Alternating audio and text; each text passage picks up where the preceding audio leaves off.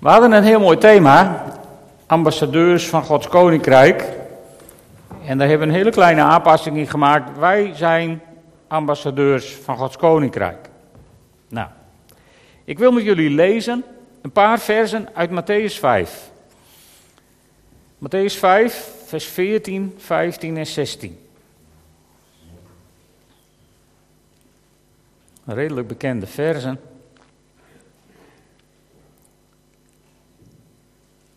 Matthäus 5 vanaf vers 14.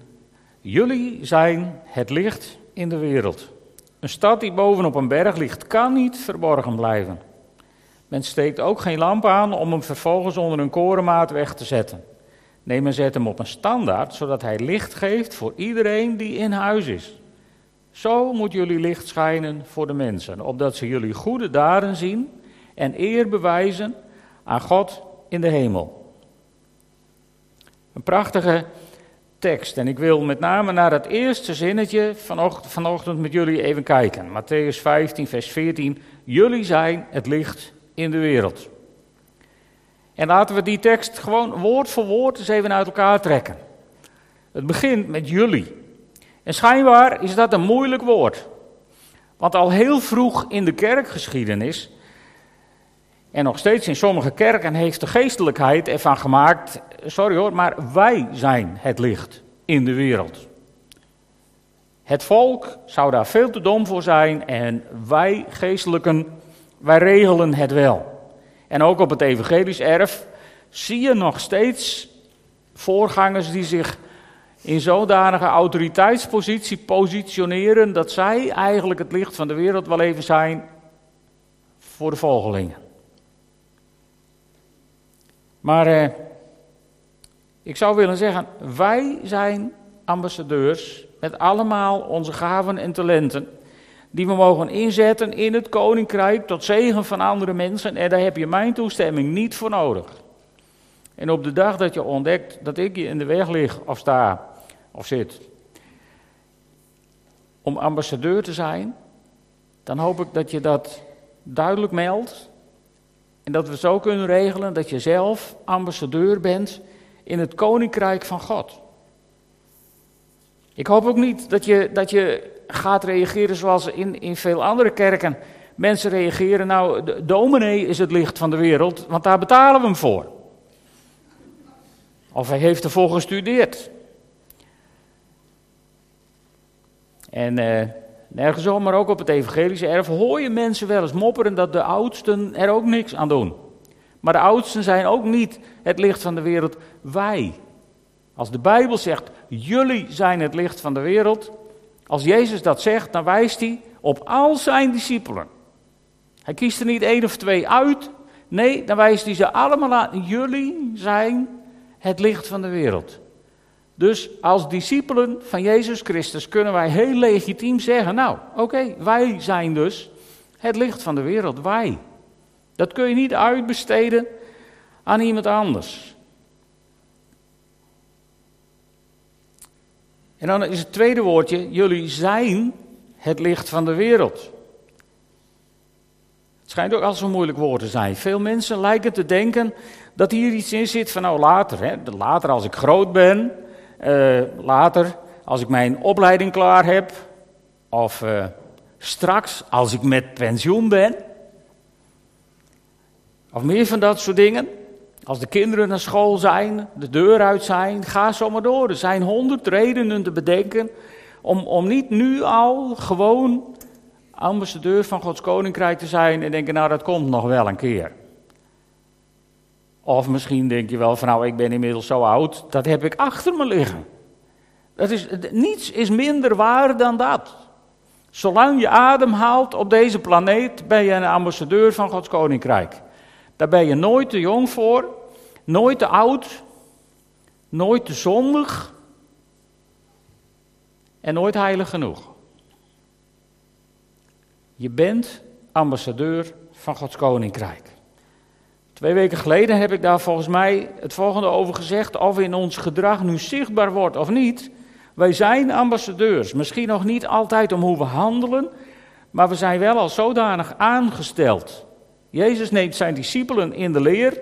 En hij maakt hen duidelijk dat zij het licht van de wereld zijn en dat ze dat moeten laten zien en dat dat is tot eer van God. En voor ons als opvolgers van de discipelen geldt hetzelfde. Matthäus 4, vers 14 is geen verzoek, het is geen opdracht, maar het is een simpele vaststelling van een feit. Jezus kijkt zijn discipelen aan en zegt: Zie daar, jullie zijn het licht van de wereld. En daar, daar zullen we het mee moeten doen. Als Jezus dat vaststelt, dan is het zo, want Jezus heeft altijd gelijk. Dan ben je het licht van de wereld. En die wereld die kijkt met argusogen toe hoe jij het ervan afbrengt. En door hoe jij het ervan afbrengt, vormt de wereld een oordeel over God. Niet alleen maar over de kerk. Voor heel veel mensen is hun, hun beeld van God bepaald door wat ze bij ambassadeurs hebben gezien. Zo belangrijk is het. En dan het derde woord, het. Het is een bepaald lidwoord. Er staat niet, jullie zijn een ambassadeur van het koninkrijk. Jezus heeft ook nooit gezegd tegen zijn discipelen van nou, naast jullie zijn er nog heel veel wegen die naar mij leiden. Nee, sterker nog, Jezus die zegt in Handelingen 4, vers 12, geen andere naam is ons gegeven, of dat schrijft Paulus, geen ander, nee, nou ben ik eraf, dat preekt Petrus. Voor alle helderheid. Dit preekt Petrus. Geen andere naam is ons gegeven om behouden te worden.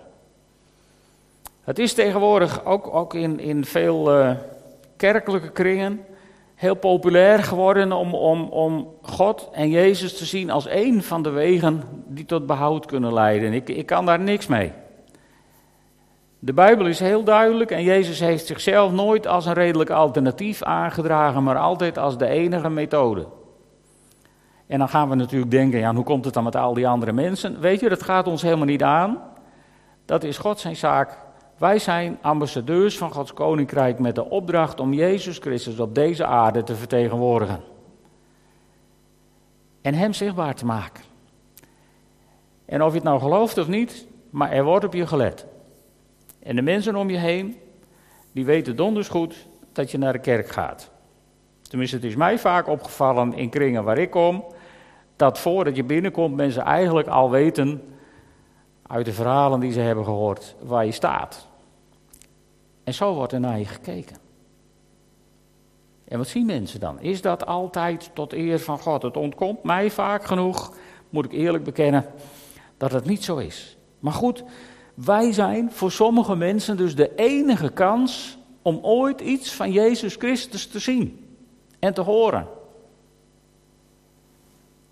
En uh, ik zeg dat niet om stress op je te leggen. Hè. Focus je niet op je opdracht, maar focus je op je opdrachtgever. En hoe feller je hart voor hem gaat branden, hoe groter licht in deze wereld je bent. En dan kom ik bij dat woord licht. Een van de eigenschappen van licht is dat het uit heel veel kleuren bestaat. Als je naar een regenboog kijkt, of, of, of vroeger op school bij natuurkundeles uh, de leraar zo'n prisma in het licht zet, dan zie je dat het licht bestaat uit allerhande kleuren. En, en als ik jullie zo zie, dan, dan is ongeveer datzelfde. De ene is hier goed in, de andere is daar goed in. De ene die, die vindt dit leuk, de andere die vindt dat leuk. Niemand van jullie is gelijk. Het is één groot spectrum van kleuren. Eigenlijk een prachtige regenboog tot eer van God. En samen vormen al die kleuren het licht waardoor wij gewoon hier kunnen zien wat we zien. En je kunt in dat licht natuurlijk wat fluctueren, want licht is ook een vak tegenwoordig.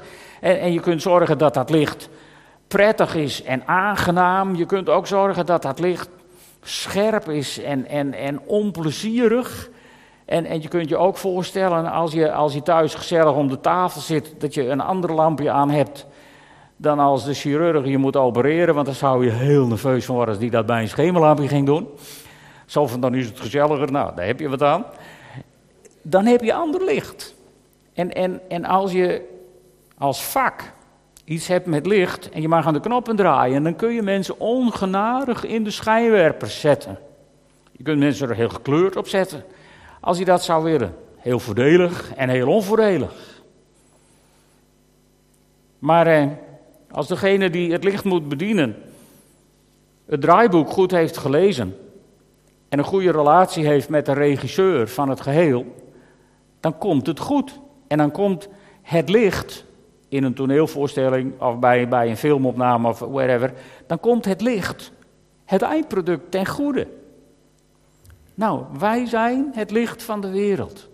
Wij bepalen mee wat voor licht er schijnt in het gezelschap waar wij verschijnen. En dan kun je het meteen hebben over zonde en oordeel en allemaal van dat soort dingen. En met een soort schijnwerper bij iedereen langs gaan of die wel goed genoeg is. Je kunt ook een aangenaam sfeerlicht verspreiden. Waardoor mensen een beetje dichter bij je komen en zeggen, joh, vertel eens. En je zou ook, ook, ook, ook op je werk, maandagsmorgens, als iedereen het heeft over de voetbalwedstrijden die ze hebben gezien, zou je het ook eens even kunnen hebben over de kerkdienst waar jij bent geweest. Ieder heeft recht op zijn eigen hobby, toch? En ben je daar blij mee? Of sneer je daarvoor? Of denk je, nou, nou, nou, laat ik het allemaal niet over hebben, want wat denken ze dan misschien wel niet van me? Dat doet er toch niet toe, wat mensen van je denken. Als je uitkomt voor je geloof en, en, en, laat zien dat gelovige mensen ook blij kunnen zijn op deze wereld, zal het voor heel veel mensen een openbaring zijn, een eye-opener. En dan zul je ontdekken dat in tijden van nood mensen misschien wel naar je toe komen om eens even met je te praten. Want er is ontzettend veel nood in deze wereld. En kennelijk hebben heel veel mensen, ook als ze niet geloven, toch het gevoel dat, dat je dan met een christen daar eens over kunt praten. Of met een, iemand die naar de kerk gaat, zeg maar. En, en, en daar verwachten ze dan kennelijk toch wat meer van. Dus onbewust in de harten van mensen zit toch nog een sprankje godsbewustzijn, een sprankje herinnering, heimwee naar vroeger. Over die God die, ja toch, je helpt om problemen op te lossen. Weet je, jij bent het licht van de wereld. Dat is een simpele vaststelling uit het woord van God. En het is maar net wat voor licht wil je dan verspreiden. En dan kom ik bij het laatste stukje van die zinnen. Die drie woordjes hou ik even bij elkaar. In de nieuwe Bijbelvertaling staat: Jullie zijn het licht in de wereld, maar in de oudere vertaling staat: Jullie zijn het licht der wereld. En de herziene statenvertaling zegt volgens mij: Jullie zijn het licht van de wereld. Misschien denk je, nou nee, nee, want volgens Jezus zijn we niet van de wereld. Hè? Dat staat in Johannes 15, vers 19.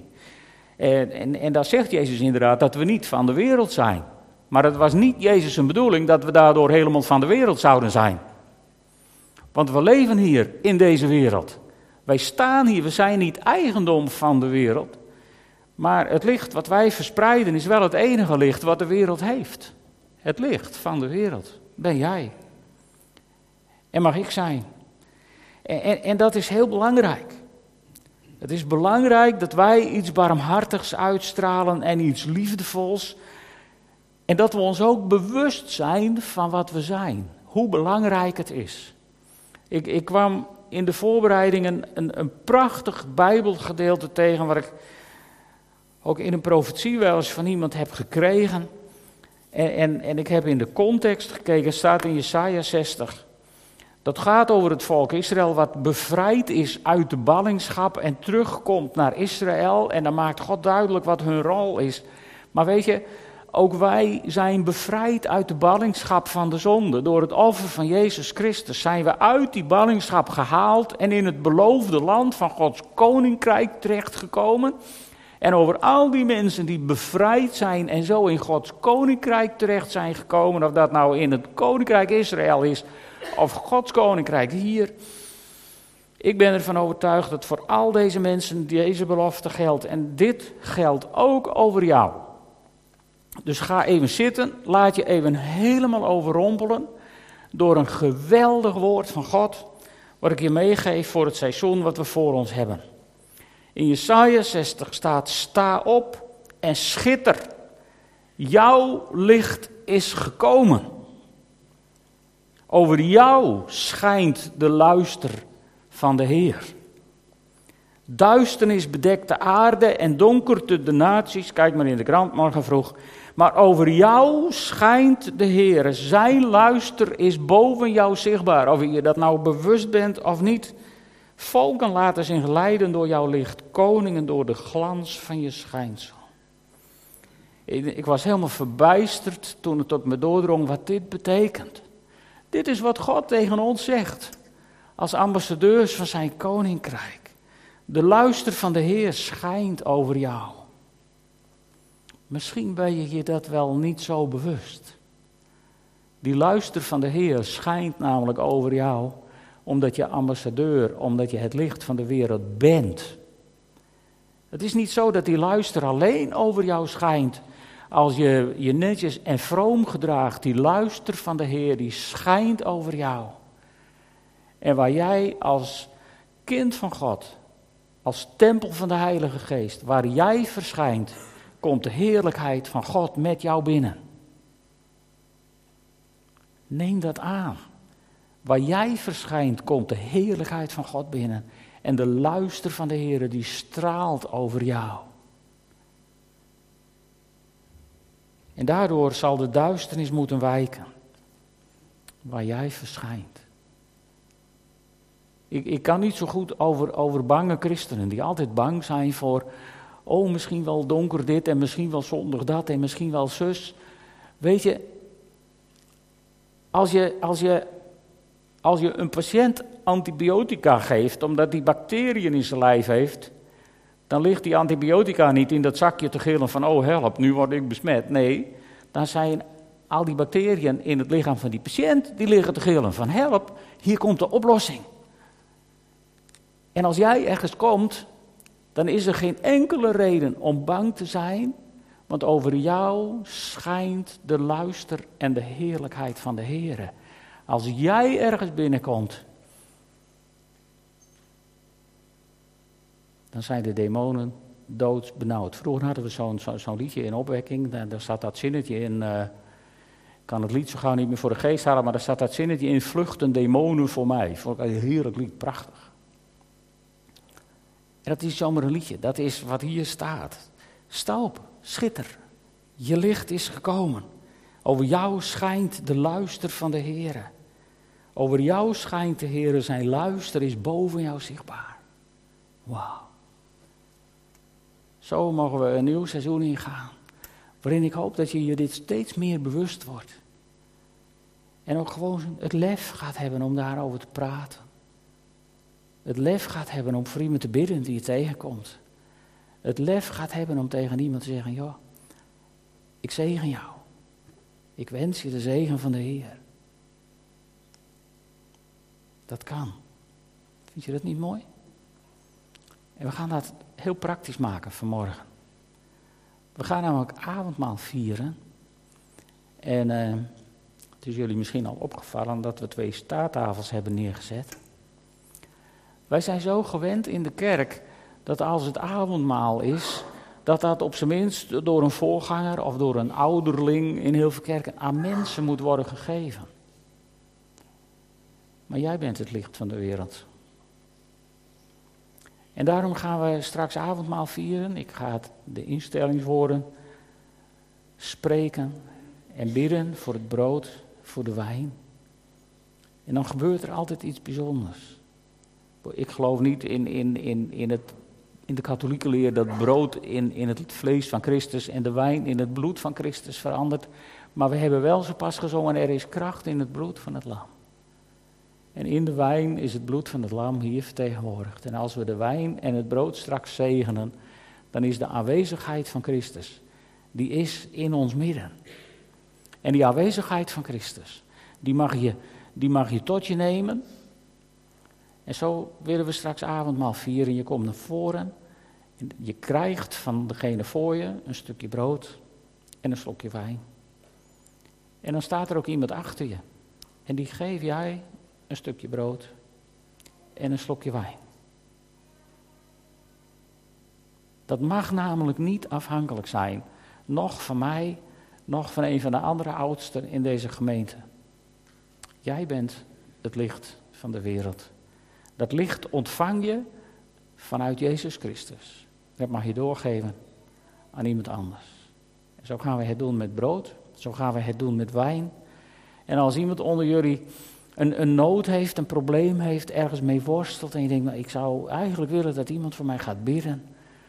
Dan vraag je gewoon iemand bij je om de tafel of iemand van wie je brood en wijn hebt gehad of iemand anders in de zaal van, joh, ik zit hier daarmee, zou je voor me willen bidden? Hou je handen eens omhoog. Kijk eens in je handen. Ik ga jullie een geheim verklappen. Die handen waar jij naar kijkt, die zijn niet gezalfder dan deze twee. Dus ik zou niet weten waarom ik voor je moet bidden, terwijl degene die naast je zit dat ook kan. Snappen we elkaar? Jij bent het licht van de wereld. En ik ben een van jullie. En daar prijs ik me heel gelukkig mee. Zullen we samen bidden? Vader God, u hebt ons allemaal uitgekozen. U hebt ons gered door het bloed van uw zoon. U hebt ons vrijgekocht. En u hebt ons deze belofte gekomen dat uw luister over ons schijnt, over een ieder van ons. En ik bid, Heer, om, om, om geweldige verrassingen in de week die voor ons ligt. Heer, dat het mensen in de wereld die we ontmoeten mag opvallen dat er iets met ons is. Heer, geef ons kansen.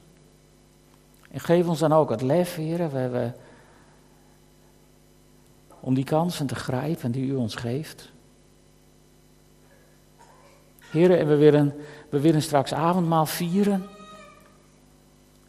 En ik bid u alvast, Heer, om een zegen over het brood.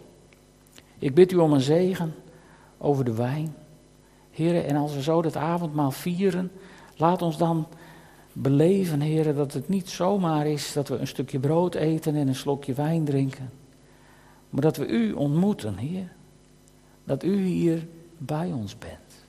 Dat uw kracht hier is. En dat als we elkaar brood en wijn toereiken, dat we elkaar iets van u mogen toereiken. Heer, en als we voor elkaar bidden, elkaar misschien de handen wel op durven te leggen. Heer, dat we iets mogen doorgeven wat we van u hebben ontvangen. Want Heer, wij zijn het licht van de wereld. Maar u bent de netbeheerder. Daar dank ik u voor. In de naam van Jezus. Amen. In de nacht waarin de Heer Jezus verraden werd nam hij een brood en hij dankte daarvoor, hij zegende dat zoals wij hebben gedaan. En hij brak het en hij zei, dit is mijn lichaam wat voor jullie gegeven is. En na de maaltijd nam hij de beker en hij zei, deze beker is het bloed van het nieuwe verbond, wat ik met jullie ga sluiten. En de apostel Paulus die schrijft dan zo geweldig in zijn brief aan de Corinthiërs, telkens wanneer je dit brood eet en uit de beker drinkt, verkondig je de dood van de Heer totdat Hij komt. Niet om in rouw te zijn over de dood van de Heer, maar om in extase te zijn over de prijs die Hij heeft betaald, zodat wij elkaar kunnen zegenen met brood en met wijn.